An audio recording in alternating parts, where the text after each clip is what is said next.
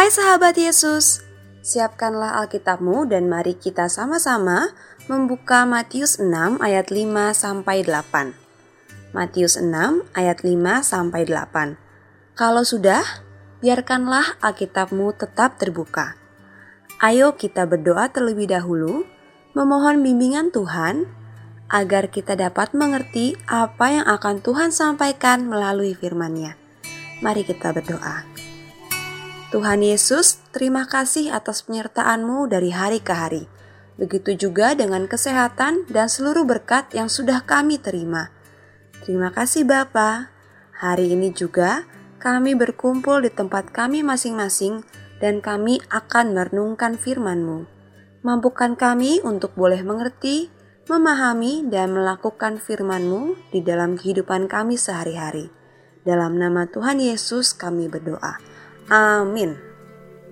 Renungan hari ini berjudul Berdoalah dengan fokus. Sebelum mendengarkan renungan, mari kita membaca firman Tuhan yang tadi sudah kita siapkan. Firman Tuhan diambil dari Matius 6 ayat 5 sampai 8. Matius 6 ayat 5 sampai 8. Hal berdoa. Dan apabila kamu berdoa, Janganlah berdoa seperti orang munafik. Mereka suka mengucapkan doanya dengan berdiri dalam rumah-rumah ibadat dan pada tikungan-tikungan jalan raya, supaya mereka dilihat orang. Aku berkata kepadamu, sesungguhnya mereka sudah mendapat upahnya.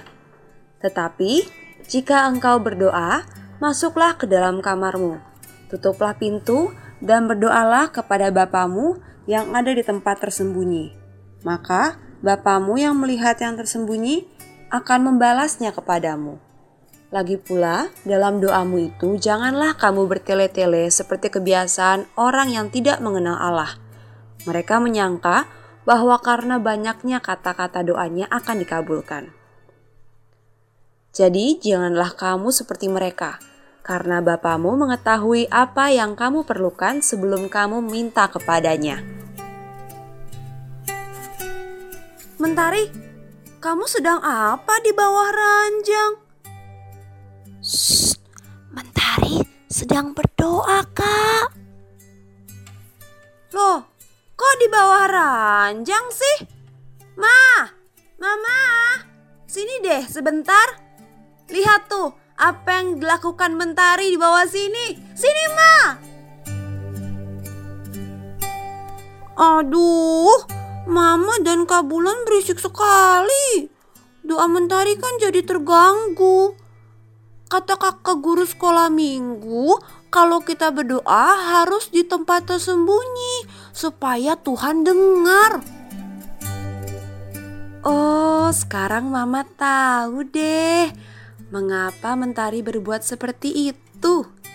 Mentari sayang, maksud kakak guru sekolah minggu kamu berdoa di tempat yang sunyi supaya bisa fokus pada Tuhan, bukan berdoa di tempat yang ramai yang bisa dilihat orang lain.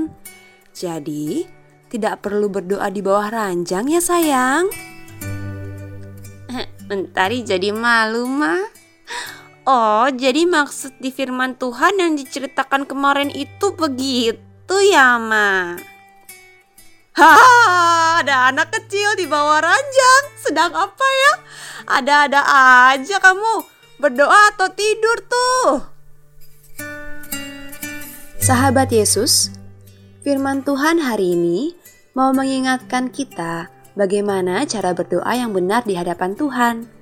Pertama-tama, carilah tempat yang sunyi atau tidak berisik supaya tidak ada yang mengganggumu dan kamu bisa berdoa dengan tenang dan fokus. Lalu, duduk dan lipatlah tanganmu. Tundukkan kepala dan tutup matamu. Pastikan seluruh perhatian kamu kamu pakai untuk berbicara kepada Tuhan. Sahabat Yesus, ingatlah untuk menyediakan waktu berdoa secara pribadi. Ayo sahabat Yesus, sekarang kamu mengucapkan kata-kata ini. Aku mau menyediakan waktu untuk berdoa secara pribadi. Ayo kita ucapkan dengan sepenuh hati. Aku mau menyediakan waktu untuk berdoa secara pribadi. Mari kita berdoa. Bapa di surga, tolong kami untuk berdoa di tempat yang baik sehingga kami bisa fokus memanjatkan doa kami seperti yang Tuhan ajarkan. Dalam nama Tuhan Yesus, amin. Tuhan Yesus memberkati.